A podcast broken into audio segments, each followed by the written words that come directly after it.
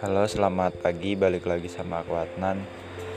Kamu pasti pernah ya merasa bingung dihadapkan pada dua pilihan atau lebih dalam hidupmu. Mending kalau itu sesuatu yang sepele seperti mau makan apa, mau minum apa, pakai baju apa itu kan sepele. Tapi kalau pilihan penting kayak mau sekolah di mana, mau studi lanjut atau kerja, mau pilih perempuan yang mana itu kan sesuatu yang berpengaruh besar dalam hidup kita. Minimalis itu mengajarkan kita untuk nggak terlalu peduli sama hal-hal sepele ibarat makan seperti minum baju hangout hangout ke mana dan sebagainya kita cukup fokus sama apa-apa yang besar dalam hidup kita. Untuk minimalis mengajar kita untuk gak menyesali apa yang udah terjadi. Karena gak berguna hal-hal seperti itu meratapi kematian terlalu sedih dalam merespon sesuatu. Karena ya udah terjadi mau gimana lagi? Fokuslah apa yang bisa kita kendalikan dalam hidup ini termasuk hari-hari kita dan banyak dari kita yang merasa masa lalunya kelam. Memang semua orang itu punya masa lalu yang kelam tanpa terkecuali. Bahkan siapa tahu banyak yang lebih buruk nasibnya dari kita di masa lalu. Tapi itu kan udah terjadi. Apa yang bisa kita ambil dari masa lalu? Pelajaran dan hikmah. Mungkin banyak dari kita yang kalau ada mesin waktu aku pengen deh balik membenahi apa yang terjadi. Misalkan kita dulu pernah ngebully orang lain. Kita nyesel perasaannya masih ada sampai sekarang. Kita terus kembali ke masa lalu. Ini nggak berefek sama hari ini atau masa depan ya. Benar-benar bisa gitu loh. Kira-kira apa yang terjadi? Tentu kita jadi orang yang nggak membuli orang lain karena udah kita ubah tapi efeknya apa efeknya adalah rentetan masa lalu yang terjadi itu akan mengubah juga diri kita di masa sekarang. Mungkin di masa sekarang kita jadi orang yang hebat, kita bisa membuat banyak karya. Tapi karena masa lalu kita berubah jadi orang yang gak bully, jadi orang yang bijak dari dulu. Mungkin sekarang kita jadi orang yang bertanya-tanya untuk apa aku melakukan semua kebaikan ini. Kita jadi bingung. Atau lebih jelasnya gini nih berhutang. Di masa lalu kamu pernah punya utang banyak ratusan juta. Padahal di masa sekarang, kamu jadi orang yang sangat-sangat sukses besar. Karena kamu belajar dari, oh ternyata ngutang itu nggak bagus ya. Oh ternyata begini rasanya ditekan-tekan, dikejar-kejar yang nagih. Dan kamu berusaha mengubah masa lalu. Oh, ini nih yang buat aku berutang akhirnya kamu menghapus semua alasan untuk berutang akhirnya kamu nggak punya utang tapi efeknya apa di masa sekarang? Efeknya adalah kamu berutang kok bisa? Ya karena kamu gak punya database perasaan berutang tuh gimana apalagi zamannya udah beda sekarang apa apa makin naik meningkat dan sebagainya jadi intinya aku berharap kamu gak perlu menyesal sama masa lalu yang udah terjadi. Kamu pernah buat salah, pernah buat dosa. Kita semua pernah begitu. Kita pernah sombong, pernah meremehkan orang. Bahkan hari kemarin itu masa lalu. Kalau di hari kemarin aja kita merasa nggak baik, ya udah, lepasin aja, loss aja. Ambillah apa-apa yang baik dari masa lalu kita. Nggak usah sedih, para tapi oh, harusnya aku begini, harusnya udah lupain aja ikhlasin aja. Kita syukuri aja kita masih dikasih kesempatan hidup. Mahal kesempatan hari ini. Kenapa mahal? Karena ada oksigen yang akan Tuhan kasih. Ada kesempatan yang Tuhan kasih. Mungkin rutinitas kita begitu-begitu aja. Kerjaan to five ketemu orang yang sama kerjaan tugas yang kemarin yang belum selesai kelihatannya sama. Tapi kalau kita dalami balik-balik maksudnya dalam-dalam ya ternyata Tuhan itu sangat-sangat baik. Oksigen masih dikasih lagi waktu kesempatan. Jangan pernah remehin kesempatan sekali lagi loh tergantung situasi dan kondisi sebenarnya. Misalkan kamu ada di situasi hubungan gitu. Ini hubunganmu lagi putus nih udah retak banget. Kamu minta dikasih kesempatan sekali lagi untuk berubah. Penting gak kesempatan itu? Penting. Ini membuktikan kamu bisa jadi orang yang baik atau sama aja di matanya. Catat.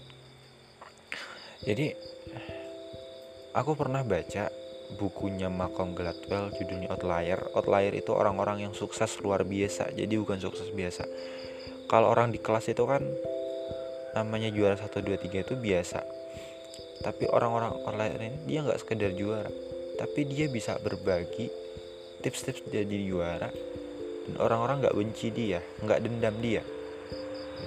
Klub bola itu juara liga udah biasa. Tapi klub yang kemenangannya mendekati 100% klub yang orang-orang itu konsisten menunjukkan kualitas terbaiknya itulah yang hebat yang outlier. Jadi orang-orang outlier ini udah nggak terjangkau sama orang-orang yang suksesnya biasalah standar. Ah ini juga siapa pun bisa mencapai. Tapi si outlier ini tuh mencapai apa pun tuh kayak di luar naral di luar nurul di luar akal pikir gitu loh. Jadi kita patut mencontoh orang-orang yang outlier ini. Gimana caranya? Ya, kita harus menerima siapa diri kita sebenarnya. Kita harus menerima masa lalu kita. Ya. Gini, supaya lebih paham tentang episode ini, kita pertama harus menggunakan kesempatan yang ada sekecil apa pun, kecil apa pun. Yang kedua, ini yang menjadi inti podcast ini adalah kita harus bisa tegas sama pilihan kita, keputusan kita di hari ini karena keputusan kita ambil itu akan berpengaruh di masa depan. Tegas di sini tuh nggak cuma suara, bukan kayak komando paskibraka komando TNI polisi bukan tegas itu yang aku maksud tapi lebih ke kamu mantep nggak nih sama pilihan yang udah kamu ambil? Dipikir-pikir dulu matang-matang karena banyak orang yang mencela mencela mulutnya tuh kadang hari ini A sorenya B ya kan? Kayak pejabat yang baru-baru ini. Tiba-tiba keputusannya keputusannya berubah dalam semalam. Itu aneh. Sesuatu yang nggak pernah terjadi. Atau calon pejabat yang keputusan lima tahun lalu dia ngomong begini. Tapi sekarang dia ngomong begitu. Itu kan kontras. Perkataan sama perbuatannya tuh nggak selaras gitu. Artinya untuk apa kita memilih seseorang yang dirinya aja nggak nggak tegas gitu sama dirinya sendiri? Ibarat kita nggak bisa mencintai orang yang belum bisa menerima kenyataan.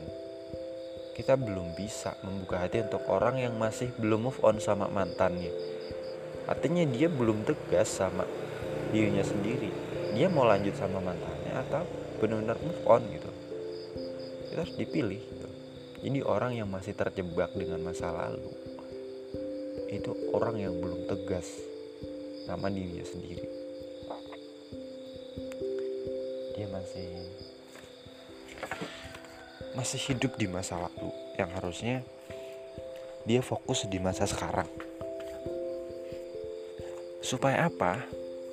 Supaya kita fokus mengerjakan hari ini. Minimalis kan konsepnya begitu.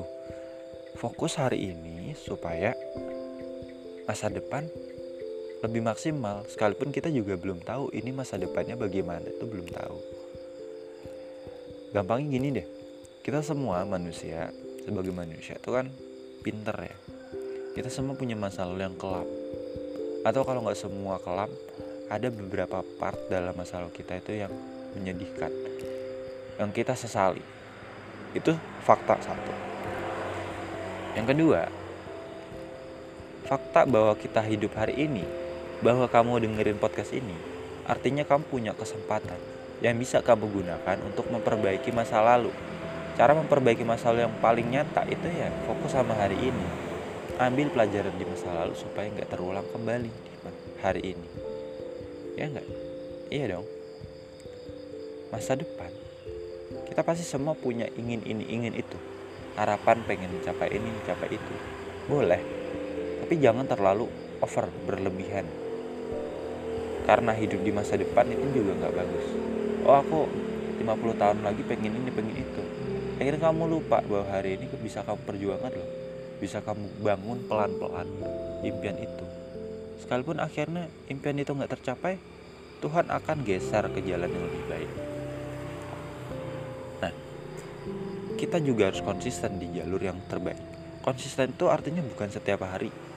Ya konsisten itu kamu tetap bertahan di track yang kamu anggap tepat. Udah nggak goyah ke jalur lain. Nggak gampang tumbang nggak gampang lelah. Patah semangat patah asa. Tetap di situ aja. Ibarat aku gini buat konten. Aku konsisten buat konten. Bukan berarti aku setiap hari buat konten terus tanpa bolong satu hari. Enggak aku tetap di track yang aku anggap benar yaitu buat konten. Dengan cara aku sendiri. Itu yang namanya konsisten kalau setiap hari? Ya bagus. Tapi malah kayak robot jadinya. Robot bisa melakukan semuanya setiap hari ya enggak tinggal kita kasih baterai kasih jadwal kita kasih database udah. Ini robot. Lakukan pekerjaan A selama 20 menit setiap hari jam 6 pagi. Robot bisa kayak gitu. Tapi kita manusia nggak bisa kayak gitu. Karena kita selalu punya kegiatan yang berbeda-beda setiap hari. Ya nggak coba ingat-ingat. Hari kita sama nggak sekalipun kita jat, punya jadwal setiap hari? Enggak pasti beda-beda. Bagaimana cara kita melakukannya bagaimana kita menyelesaikannya itu semua berbeda. Tanya PNS PNS punya jadwal. Mereka punya target. Kerja Senin sampai Jumat jamnya sama.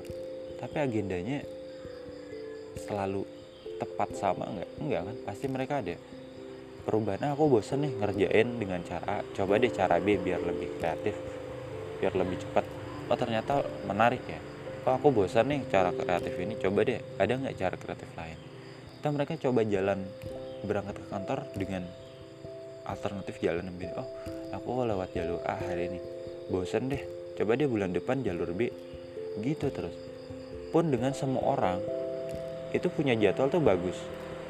Tapi yang lebih kreatif adalah yang lebih bagus adalah yang lebih kreatif yang punya alternatif sendiri dalam jalan hidupnya dalam memilih keputusan hidup yang mana gitu.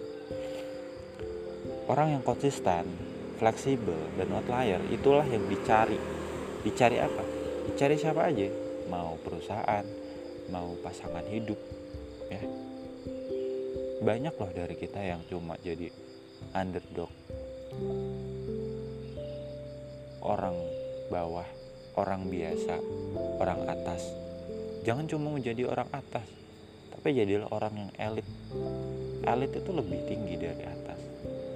Ibarat kalau di kelas ada 30 siswa yang terbawah adalah berapa? 5 orang terbawah itu underdog 5 orang teratas itu hebat atas. Tapi yang elit ini peringkat satu. Peringkat satu dia bisa melampaui semuanya dan banyak hal Oke, kita balik ke topik utama itu tentang ketegasan. Kita renungi kembali ketegasan itu maknanya apa sih? Ketegasan maknanya adalah dia berani menyuarakan isi hatinya, pendapatnya. Seperti aku nih sekarang lagi di luar. Aku melihat tanaman. Warna tanaman itu konsisten hijau terus. Kecuali ada penyakit, mungkin bisa buatnya kuning.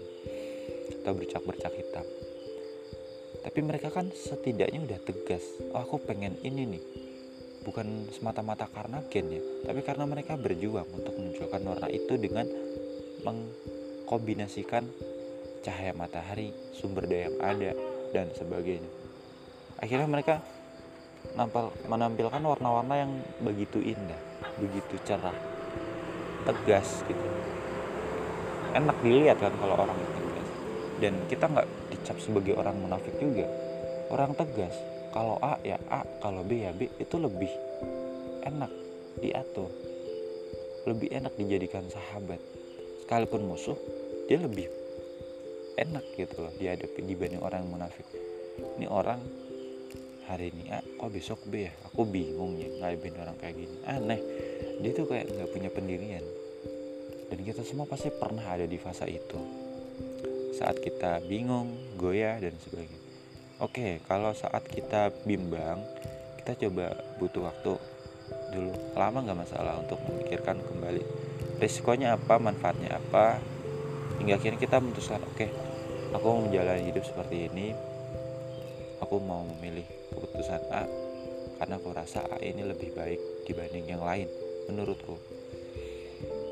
Jadi nggak ada yang benar mutlak nggak ada yang salah mutlak. Toh setiap keputusan kita ambil itu selalu menimbulkan keputusan berikutnya. Ya. Kesempatan yang ada kesempatan yang datang. Orang yang beruntung itu bukan orang yang kayak tiba-tiba menang kebetulan kayak judi. Enggak keberuntungan itu datang pada orang yang bersiap dengan sebaik mungkin bertemu dengan kesempatan yang tepat contoh. Contoh ya. Ini ada seseorang yang rajin belajar. Jalannya bagus skillnya mumpuni. Kesempatan kerja datang. Dia lamar. Ketemulah kesempatan dengan kemampuan. Ini dia punya gaji yang besar. Itu orang yang beruntung. Bukan orang tiba-tiba yang nggak ngapa-ngapain. Uang 1 m dapat wah aku beruntung banget. Bukan itu yang namanya beruntung. Itu namanya kebetulan. Kebetulan kan paling cuma satu dari seribu satu dari seratus ribu. Kecil kemungkinan kecil. Tapi keberuntungan itu bisa kita usahakan. Dengan apa? Awali dengan ketegasan. Kenapa sih kita pengen milih ini? Kenapa kita pengen orang ini ada dalam hidup kita? Kalau aku kenapa aku memilih gaya hidup minimalis? Kenapa aku memilih kerja dulu dibanding studi lanjut? Kenapa aku harus mematuhi jadwal ini setiap hari dengan fleksibilitas yang sangat tinggi. Itu semua aku jawab dengan ketegasan. Yang sebenarnya aku sadar harusnya tuh dimulai dari dulu tapi nggak ada kata terlambat untuk memulai kembali. Sama halnya nggak ada kata telat untuk sekolah untuk menjalin hubungan ya kan? Kayak orang nikah. Orang kan mikir waduh ini gimana nih umurku udah 30 udah 40 layak nggak ya nikah? Layak aja. Di umur berapapun kamu layak untuk menikah. Layak untuk memulai kembali. Jangan niru orang-orang lah. Orang-orang kan kok orang-orang nikahnya umur 20-an ya? Bahkan umur 25 udah punya anak. Aku udah umur 30 masih belum tahu siapa jodohnya. Timeline orang itu beda-beda ya kita dilahirkan dari keluarga yang berbeda orang tuanya beda negara yang berbeda. Kita punya selera yang beda. Kenapa nikah juga harus sama? Kenapa nikah harus sama tanggalnya tahunnya sama? Karena kan kemampuan orang untuk memulai kehidupan rumah tangga itu beda. Nggak bisa disamain. Ada orang yang emang sanggup nikah muda umur 17 umur 20 tapi ada orang yang baru sanggup nikah umur 50 ya enggak iya. Jadi kita ingat kembali apa aja sih yang udah kita lewati? Hal-hal yang buruk yang pernah terjadi di masa lalu kita terima aja dengan baik dengan legowo lapang dada. Lalu kita maksimalkan kesempatan yang diberikan kita hari ini. Buat apa? Buat masa depan yang lebih baik. Tegaslah sama setiap keputusan diambil. Gak apa-apa kalau salah. Toh kita bisa perbaiki kembali, revisi kembali. Penting keep on the track, konsisten, serta punya fleksibilitas yang tinggi. Jangan juga bandingin diri kamu dengan orang lain, karena setiap orang tuh beda. Setiap orang tuh unik dengan ciri khasnya masing-masing. Kita bebas mau melakukan apa aja dalam hidup ini, yang penting kita harus mempunyai olah rasa dan olah pikir yang seimbang biar nggak jadi ODGJ biar kita nggak ekstrim dalam menyikapi sesuatu. Biar kita tetap jadi orang yang seimbang dalam jalan hidup ini